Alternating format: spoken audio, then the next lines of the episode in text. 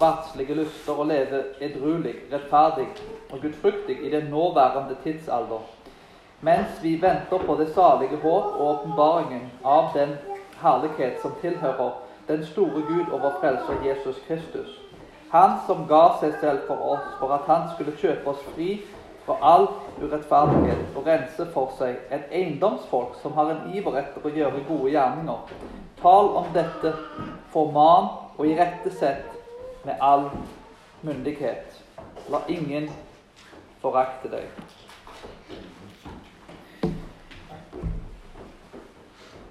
Gud, hans vei er fullkommen. Herrens ord er rent.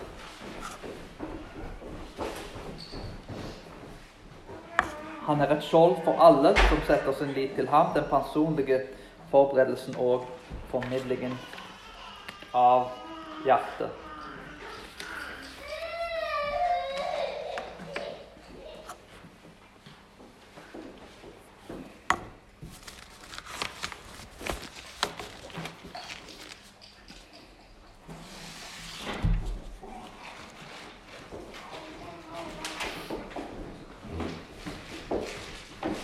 Guds nåde gjør et gudfryktig liv mulig. Guds nåde gjør et gudfryktig liv mulig. Hvis jeg kunne sagt én ting om det å være kristen, og om Kirka, så ville jeg sagt én ting. Jeg er ikke kristen fordi jeg er god, men fordi at jeg er en forderva synder. Om det er et snev av hellighet i livet mitt, så er ikke det fordi jeg har prestert noe, at jeg har gjort noe, at jeg kan være stolt av noe, men det er fordi at ting har blitt gjort for meg av Kristus. Det er et sitat av William Booth som jeg ofte siterer, og det er at kirka ikke er et museum for helgener, men det er et sykehus for syndere. Kirka er en plass der syke folk kommer for å få ta del i den åndelige helbredelsen, i den åndelige medisinen, at de kan få ta del i det evige livet. Og når folk sier at uh, jeg er ikke så god som jeg burde vært, så er alltid svaret mitt ja, takk og pris for det. Jeg er mye verre enn du tror. Jeg er mye verre enn du tror. Jeg er en synder som trenger frelse av Kristus. Og Kirka er en samling av folk som ikke er perfekte. Folk som ikke har levd rett og gjort alle de rette tingene. Men det er en samling av forderva folk som kommer sammen og trenger Guds nåde. Vi trenger den medisinen som vi kan få i Kristus. Og hva er da denne medisinen? Hva er denne medisinen? Og hvem er denne medisinen? Og med denne medisinen, hvordan bygger en, en gudfryktig og hellig kirke? Og hvordan bygger en gudfryktig og hellig liv? Det er det vi skal se på i dag. Og vi skal fortsette videre fra Titus tidligere. Vi begynte i den første talen introduksjonen at for å bygge gudfryktige hellige kirke, så trenger en forkynnelsen av ordet og om den oppstandende Kristus. Det er sentralt. Nummer to vi trenger å utnevne kvalifiserte eldste. Vi trenger irettesette falske lærere. Vi trenger undervise i den sunne læren. Men vi trenger òg det som gjør alt dette mulig, og det er Guds nåde.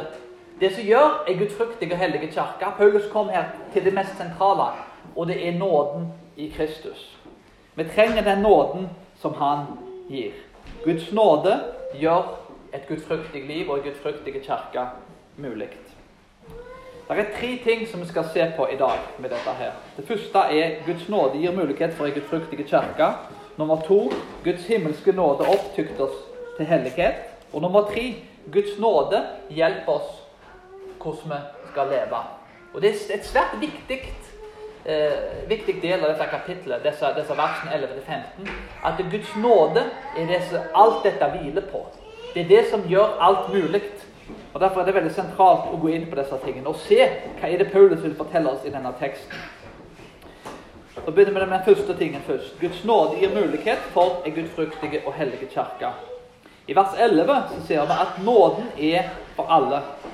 Paulus vil sette ting, ting opp rett i kirka i Kreta. Dette innebærer å sette en eldste, irettesette folk som, som, kommer med feil ting, eh, undervise den sunne læren, sånn at folk kan leve hellige liv. Og Paulus går tilbake til grunnlaget. Paulus gjør det åpenbart at denne nåden er tilgjengelig for alle. Vi ser i Romerbrevet 1 for eksempel, at det, dette er manifestert for alle. Sannheten om Gud er tilgjengelig for oss i skapelsen. Vi ser også i Romerbrevet 16 at dette var et mysterium siden verden begynte. Kolosserbrev 1.26-27 så står det at dette har vært gjemt gjennom tidene. Men vi ser i Det nye testamentet, det begynner i evangeliene, i Matteus 13 bl.a., så viser det at gjennom Kristus har dette blitt åpenbart. I Efeserbrevet 3.8-9 og Romerbrevet 16, 25-26, så viser det at dette er for alle nasjoner. Det er ikke kun den etniske jøden dette nå gjelder for. Men det er ikke lenger forskjell mellom greker og jøde, mellom kvinner og menn. Det er ikke forskjell mellom, mellom de ulike gruppene, om en er fri eller slave, for alle ett i Kristus. Det betyr jo ikke at det ikke er forskjell på folk. Det betyr da at uh, en har den samme frelsen som er tilgjengelig i Kristus. Så den nåden som vi tar del i, er blitt oppfylt helt ifra Abraham. Når Abraham får et løfte i 1. Mosebok kapittel 12 vers 1-4 at alle familier på jorda skal bli besignet gjennom Abraham for 3000 pluss år siden. Vi er blitt en del av det løftet. Hva var det med Abraham? Han var ikke noe spesielt viktig person. Han ble, var en, egentlig en, en, person som ikke trodde på, på, den bibelske guden, som ble tatt ut av Mesopotamia og ble brukt til å være med og forkynne. Uh, og ble til velsignelse at vi kan forkynne evangeliet i dag. Vi er en del av det løftet. Abraham var en person som var gitt Guds nåde, han var gitt Guds tro. Og alt dette gjorde det mulig for ham. Hva er denne nåden? Denne nåden er at Først må vi forstå hva vi har gjort galt, sånn at vi kan forstå hva, hva nåden er. Alle har brutt loven og er fordarva. Ingen har levd rett. Og vi er alle syke. Vi har alle gjort feil. Jeg tenker bare gjennom livet, du ser på det ti bud. Hvor mange av oss har, har løyet noen ganger? Hvor mange av oss har tatt noe som ikke er vårt? Eh, hvor mange av oss har vanæra Guds navn? Alle har gjort feil. Altså, Jeg har gjort sikkert mer feil enn noen.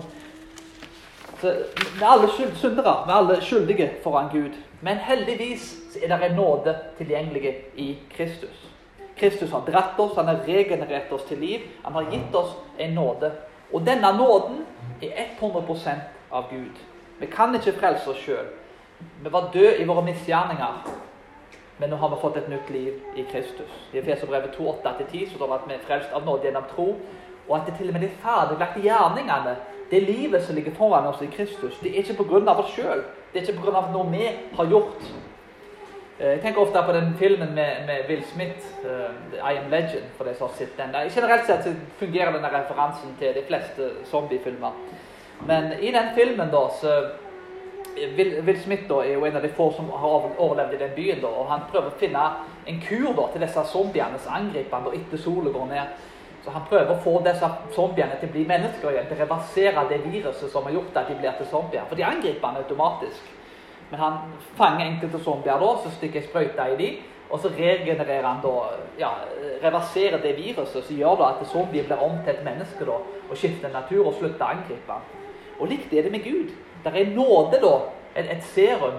Altså en medisin som blir sprøyta inn i oss. Vi får liv inn i oss, og vi får en ny natur som vi kan gjøre noen ting. Det, en veldig, ikke perfekt eh, lignelse og analogi, men det, det, fungerer ganske bra når en skal se hva Gud har gjort for oss. Vi er motvillige til å ta imot denne nåden, men takk og pris for at denne innsprøytningen da, som en ser da i denne filmen, av nåde, blir, blir kommet inn i oss. Det gjør at vi klarer å få et nytt, nytt liv å gjøre nye ting. Vi ser videre med Paulus da, i vers 12 at nåden gir oss kraft til for å fornekte ugudelighet, de verdslige lyster, og leve tuktig og rettferdig og gudfryktig i den nåværende verden. Og denne nåden, da, og det er, ikke, altså, det er ikke min godhet som gjør at dette er mulig. Jeg er ikke her fordi at eh, Jonas han er en god person og har gjort alt rett. Jeg er vel her nettopp pga. det akkurat det motsatte. Fordi jeg har gjort så mye feil, og fordi jeg har behov for Kristus å leve i henhold til hans plan. Men jeg blir opplatt av nåden til å avvise og fornekte da ugudelighet. Og Det er svært viktig å forstå her at Paulus lever i en verden med masse guder. Dette er ikke en, en, sekulær verden som han snakker om. Han lever i en verden der det er mye mer guder enn du kan telle. Det er en gud som bor i himmelen, det er en, en, en gud som er i trærne, en krigergud. Altså Romerne var et veldig religiøst folk på mange vis. Og det er denne nåden da som er forankra i det rette synet på Gud. Men Paulus, da, som var en uhyre lærde mann, Paulus var en, en ekstremt lærde mann. Han ble beskyldt for å ha gått til vanvidd pga. den store lærdommen. Det var en mann som sannsynligvis hadde ville hatt flere doktorgrader hvis du beregner det samme kunnskapsnivået som eksisterer i dag. Men eh, en ekstremt kunnskapsrik og lærde mann som hadde romersk statsborgerskap og kunne masse språk. Og brevene han har skrevet, er noe av det mest innflytelsesrike som har eksistert gjennom verdenshistorien, ifølge mange litteraturforskere. Denne mannen da har kjennskap til denne greske mytologien. Han har kjennskap til alle gudene på denne tida. Men han kommer da med et stikk imot disse tingene. Tenk om du hadde levd i en verden der du tilber Sus, f.eks., som er gudenes gud. Som er da en gud som, som voldtar folk. Men dette er guden, den største guden. De greske gudene er hvis du bruker hva det norsk moral i dag, men så er det, det er umoralske guder. Så hvis du forankrer moralen og etikken i disse gudene, hvis du forankrer det i det, så vil du ikke få en moralsk atferd. Paulus går tilbake til Bibelens Gud og prøver å forankre nåden i denne guden, i kontrast til Romerriket. Vi ble opplært av nåden til å fornekte verdslige lyster. da. Paulus er jo da med å påpeke det som skjer i Romerriket her. Vi blir opplært av nåden til å leve tuktig med selvkontroll og leve gudelig i denne verden. Det er utrolig interessant når du kommer til det spørsmålet her om hva er det nåden skal forankres i. Eh, to sekulære historikere, Noen av de mest kjente historikerne faktisk de siste 100 årene, Bertrand Russell, som var en ateist, og Will Durant, som var en av de største historikerne de siste 100 årene. Han var en agnostiker veldig dyktige historikere, idéhistorikere, og, og, som skrev mye og prøvde å forstå syklusen i sivilisasjonen. Russell og Duranto, som ikke selv er religiøse, mente da at eh, når sivilisasjonen gjennom historien Dette er sånn generelt gjennom hele verdenshistorien avviste teologien så, så, fikk de en annen moralsk kode. Og det gjorde faktisk at sivilisasjonen ikke fungerte så godt som den gjorde. Og dermed da så var det et forfall, og det forfallet ville lede til ødeleggelsen av sivilisasjonen. Og dermed, etter den kollapsa, så ville noen opprette en ny sivilisasjon der de begynte med teologi som førte til moral, som førte til sivilisasjon. Veldig fascinerende at to av de mest kjente historikerne de siste 100 årene påpekte at det er viktigheten av gudeforståelsen for måten en forstår et samfunn på. Og Det er denne nåden, og det er dette Paulus er med å peke på. Han setter da den bibelske guden som en kontrast mot det han observerer da i Romerriket. Og han gir oss viktigheten av nåde. Vi feiler, vi lever ikke rett. Vi lever ikke under loven heller, men vi lever under denne nåden som Paulus gir oss. Og det gir oss kraft, og det gir oss motivasjon til å hvile i de tingene. Ikke som vi presterer, men i de tingene da som Kristus har gjort for oss. Det er denne nåden som gjør et gudfryktig liv mulig. Og Det bringer oss til det andre poenget. Guds himmelske nåde opptykte oss til hellighet. I vers 13 så venter vi på det salige håp av den store Gud over frelser Jesus Kristus herlighet. Jødedommen da mente at Guds åpenbaring kom på uh, den endens tidsalder. Og Dette var jo da noe som jødene venta på, at Messias skulle komme og knuse romerne og styre sammen med dem. Den store Gud er en referanse til Gud som frelser og frigjører. Og Paulus gir faktisk Jesus her en guddommelig tittel. Det er noe som vi fort overser når en leser denne teksten. Den himmelske nåde motiverer oss da til hellighet her. Og De første kristne da, som levde under Romerriket, eh, når de fikk et budskap av Paulus om denne nåden som ble manifestert, så var ikke dette nødvendigvis et, et godt budskap. Dette var folk som ble forfulgt, det var folk som ble drept, det var folk som ble torturert. Det var folk som virkelig måtte gjennom store trengsler. Forestill deg sjøl å leve i et samfunn der folk, keiserne, altså de store statslederne, dreper folk fordi de kjeder seg. Nero gikk ut på gata og kledde seg, hjem, kledde seg, ut som en hjemløs mann og stakk folk, altså knivstakk folk. Dette er liksom lederne for landet. Eh, han brant folk som, som, som levende fakler, og spesielt kristne. da, Det var favorittfolkene som brenner. Eh, folk ble slakta i, i Colosseum. Dette er et brutalt rike. Det er et ufattelig brutalt rike. Og midt oppi dette her Det er et himmelsk håp. Det er et håp om at ting vil bli bedre. Det vil være en rettferdighet etter dette er over. Mange av de som praktiserte disse tingene, de betalte ikke noen pris i dette livet. Det var ikke noen grunn til å tro der og da at de som ble torturert, og de, og de som torturerte dem, eh, at det ville bli løst i dette livet. Men det håpet om det himmelske, om en rettferdighet da, som kom inn til dette livet, var noe som var mer motiverte folk til å fortsette og var villige til å ofre seg for Kristus. Denne, dette løftet om Jesus' gjenkomst gir en enormt stor motivasjon til hellighet. En kan bli urettferdig behandla, en kan bli mishandla, og likevel vite at det er en himmelske nåde, da, at ting vil bli gjort rett.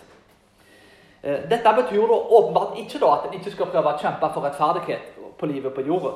Det er jo ofte en ting at eh, Hvis en fokuserer for mye på himmelen, da, vil en da glemme ut at en har en oppgave her på jorda.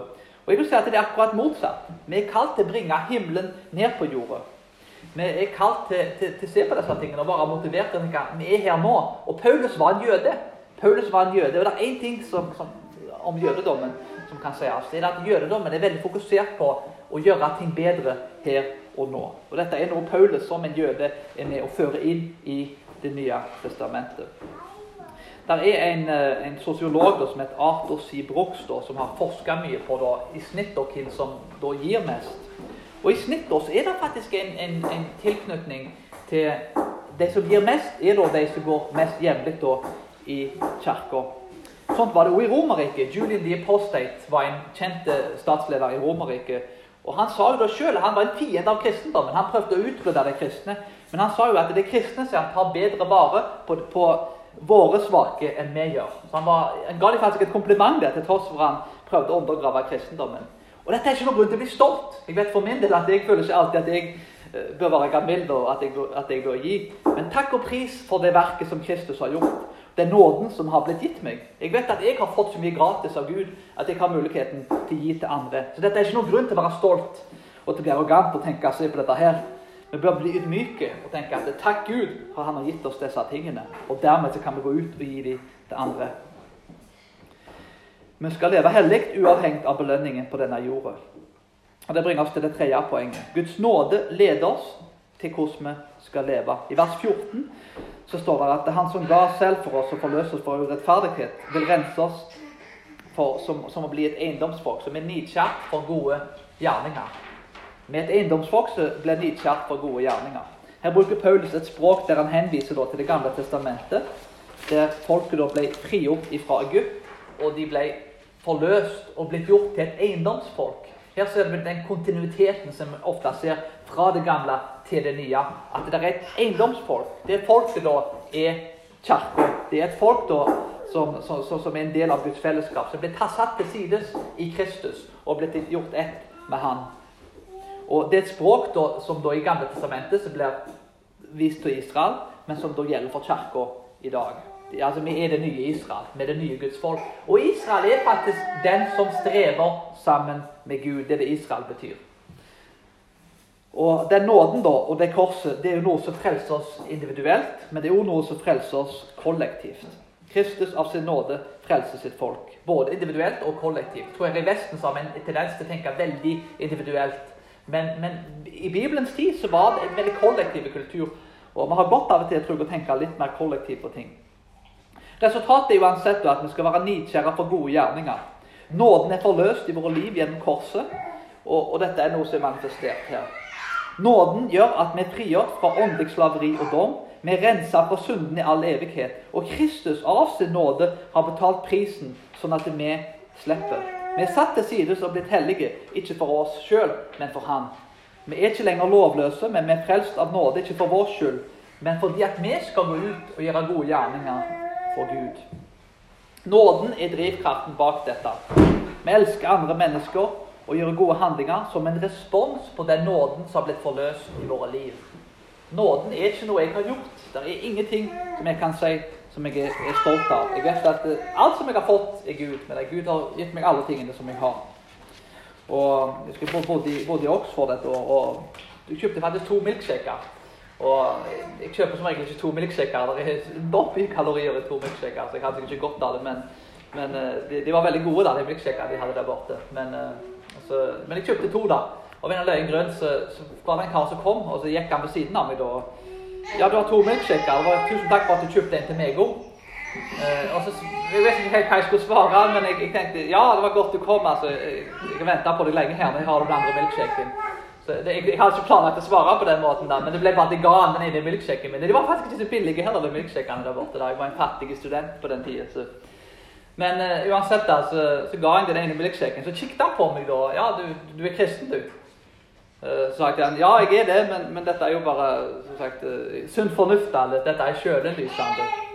Men jeg synes det var litt morsomt da, at han, han observerte det, at, jeg, at, at jeg var kristen pga. at jeg ga en milkshake. for det, det var åpenbart sikkert noe han gjorde til vanlig jeg gikk rundt og spurte folk. Han var ikke hjemløs. for å si sånn. For Studenter som bor i, i Oxford, er, er, som regel folk som har litt penger. da, Internasjonale studenter. Så Det var en morsomme ting, da. Men, men jeg tenker det at den nåden som var blitt gitt meg, gjorde da at jeg, jeg kunne gjøre det med et godt hjerte. da. Jeg synes jo egentlig på at det var bra at han, at han fikk den. Så I det tilfellet da, så ga jeg kanskje ikke Gud den æra jeg skulle hatt gjort. Og Det første Paulus faktisk forteller oss å gjøre, er at vi skal tale dette. Vi har hatt ansvar å formidle dette budskapet om nåden. Jeg var, gjorde en dårlig jobb i det tilfellet faktisk å si til han karen at uh, det er pga. Jesus at jeg, at, jeg, ja, at jeg, kan gjøre disse tingene. Det er han som har gitt meg alt, og jeg har lyst til å gi dette her til deg. Jeg gjorde en forferdelig jobb med å formidle det, og det burde jeg gjort. Vi har fått i oppgave å tale og være åpne ærlige om hva vi tror. Og selvsagt respektere folk som tror andre ting. Uh, hvis én ting som, som, dette bør produsere oss, så er det jo nettopp det ydmykhet. At uh, igjen, hvis, jeg har fått noe, så er det pga. at jeg har fått det gratis sjøl. Og dermed så kan jeg ikke skryte av noe. Og det er nåden som gjør alt dette mulig. Det er det hele kristenlivet hviler på. Det står at vi skal formane, vi skal oppmuntre andre kristne til å leve ut det som står i Bibelen. Eh, som kristne så har vi ikke noe rett til å sette krav på, til andre på en måte, som identifiserer seg innenfor andre religiøse retninger, eller som ikke er religiøse.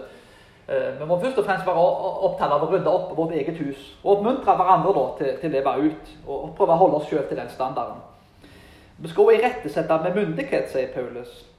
Eh, det er veldig fascinerende i Bibelen at ofte så blant kristne så har vi en tendens til, til kanskje kritisere de som er utenfor kirka, og, og, mer, og de som er innenfor kirka, mindre. Men egentlig bibelsett er det motsatt. Bibelen er faktisk en utrolig sjølkritisk bok.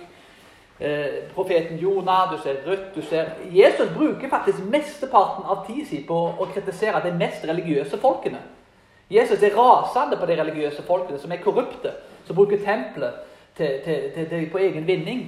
Som er selvrettferdige og arrogante, for de tror at Gud har utvalgt dem til store ting. De har misforstått alt som er i Det gamle testamentet, alt som er i Bibelen. At det er jo nåden som har gitt dem alt dette. Så Jesus bruker mesteparten av sin tid, og Paulus bruker mye av sin tid, på å kritisere menigheten. Og kritisere de som bekjenner seg til budskapet. Og det må vi være bedre på, å komme med den konstruktive kritikken. Vi kan ikke gå ut og reorganisere verden før vi har ryddet opp i våre egne liv.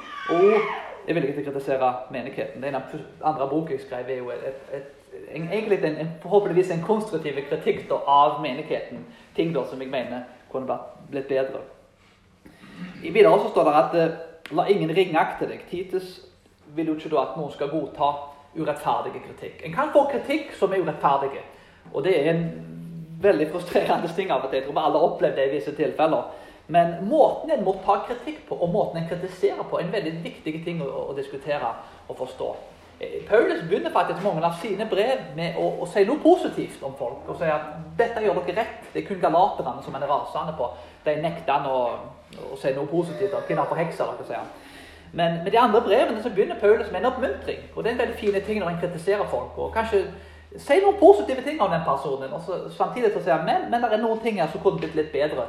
Uh, så en, en, må, en, må, være balansert i måten en kritiserer ting på. og Drive konstruktiv kritikk. Og sjekke sin egen ånd. Uh, så en, kan kritisere med, med, en ånd der en da vil hogge folk ned og, og gjøre det av en, selvrettferdig og en dårlig motivasjon. Uh, så det å studere og prøve å forstå måten en kritiserer folk på, er en veldig viktig ting. En annen ting å gjøre da, i tilfelle hvis en får kritikk sjøl, er det å kanskje velge ut en nær venn som er ærlig med deg og, og fortelle deg Spør den vennen da uh, Ja, hva, hva syns du om dette her? Tror du at det stemmer? Den personen sa det og det, det om meg. Er det sånn du ser meg? Du kjenner meg godt, du har kjent meg i mange år. Vær ærlig med meg. Tror du at det kan stemme? Og den vennen, hvis han er en god venn, da, vil sannsynligvis si da at ja, det er ikke sant, eller det er sant. Så det er en annen god praktisk måte å være med og organisere kritikk i livet sitt på. Det handler om denne hårfine balansen mellom å få se det som er sant, men også se det på en kjærlighetsfull og, og, og, konstruktiv måte. Men alt dette her, denne anvendelsen, denne nåden som er tilgjengelig Alt dette igjen, Du går alt mot Kristus. Vi kan ikke leve et hellig liv og ha et gudfryktig hellige kirke hvis ikke vi forstår hvor forderva vi er. At vi ikke er gode mennesker. Så, som jeg nevnte tidligere, så, så er vi mye verre enn hva vi tror. Og det var en mann som alltid sa at uh, folk sa til han at du er kristen, og du er ikke så, egentlig, du er ikke så, så bra type, egentlig. Du er ikke så rettferdig, og du lever ikke sånn som du skal. Så skal jeg alltid sa det. Ja, tenk hvordan det hadde vært hvis jeg ikke hadde vært kristen. Og jeg synes Det er et, veldig fint svar. kan du si, for Han mente da at han, han var ikke noe godt menneske. Men takk og pris da, så han, mente han sjøl at han var bedre enn han ellers hadde vært. Han kunne vært mye verre. En kan si at Kirka er jo på en måte en, en, samling kanskje av mye av de verste folkene som har fått nåden til Kristus, som en kan samles og, og, og leve i den nåden. Så Han forsto sjøl at han var ikke et godt menneske, men at han da levde i den nåden som Kristus hadde gitt ham. Men at det hadde gjort ham bedre enn han ellers kunne vært. Han kunne vært mye verre. Nåden er totalt nødvendig for at vi skal leve ut de gode gjerningene. Og hver gang vi synder etter jeg ble kristen, så stopper ikke syndene. Altså Mine synder har ikke stoppet opp etter jeg ble kristen. Det var ofte med at jeg har blitt mer bevisst på dem, at jeg har blitt mer synlig i livet mitt. Jeg vet at jeg har synda og gjort mange feil etter jeg har vært kristen. Men takk og pris at jeg trenger ikke hvile i mine rettferdiglagte gjerninger. I, i, i mitt rettferdiggjort verk. Jeg kan se på Kristus og Messias og vite at til og med den kriminelle personen som var med ham på korset, kunne få tilgivelse. En person som kanskje hadde drept noen, gjort kanskje enda verre ting enn jeg har gjort. Dette var en person som fikk nåde og tilgivelse. Så når en gjør feil, så må en reise seg opp igjen og tenke at eh, jeg er blitt frelst i Kristus, og jeg har fått Hans nåde. Jeg er frelst av nåde gjennom tro, og det er ikke gjennom mine egne gjerninger. Jeg har ikke noe å skryte av. De ferdiglagte gjerningene, og at vi er her i dag og har denne menigheten, det er ikke mine gjerninger. Det er ikke min presentasjon. Jeg er en av mange folk her, folk, altså folk som Gud har brukt til å være med og bygge opp sin menighet. Men det er Guds verk. Det er Han som gir vokst til menigheten. Det er ikke jeg. Så la oss vandre ut i disse ferdiglagte gjerningene. La oss hvile i den nåden som Kristus har. Og la oss anvende dagens tekst mens vi alltid, når vi gjør feil, at vi ser mot Kristus. Og at vi også prøver å jobbe med å bli mer ydmyke. Når vi presterer ting som mennesker, så har vi ofte en tendens til å tenke at ja, jeg er jo litt flink jo, liksom, jeg har jo gjort en god jobb. Men, men, i realiteten så er det Gud som har gitt oss de gavene og gitt oss evnen til å gjøre de tingene. Så, så vi bør takke ham for de tingene. Guds nåde gjør et gudfruktig liv mulig. Det gjør en gudfruktig og hellig menighet mulig. Og Det er sånn en gudfruktig og hellig kirke og et hellig liv blir bygd. Takk og pris for at gjerningene vi hviler i, ikke er våre. Takk for at vi ikke hviler i min nåde eller i, deres nåde, men at vi hviler i nåden til en perfekte Messias som ble korsfesta på korset. Så la oss ha det i minne, og la oss si amen til det mens, mens vi ber. Himmelske Far, takk for dine gode gaver. Takk for den nåden som du gir oss i denne teksten. Takk for denne sentrale del av Titusbrevet som hjelper oss å forstå at uh, vi kan ikke velge ut eldste. Vi kan ikke forkynne korset. Vi, vi, kan ikke eh, undervise i den sunne læren uten at du gir oss den nåden det er den som gjør alt dette mulig. Det er det som er det sentrale budskapet i ditt ord. Og det var det budskapet som du ga reformaterne i reformasjonen. Sola gratia, av nåden alene. Vi hviler i den nåden, og vi trenger den nåden hver dag og i all evighet. Hjelp oss å la den nåden bli manifestert i våre liv, sånn at vi kan leve hellige liv for deg. For deg. Ikke perfekte liv, men hellige liv. Amen.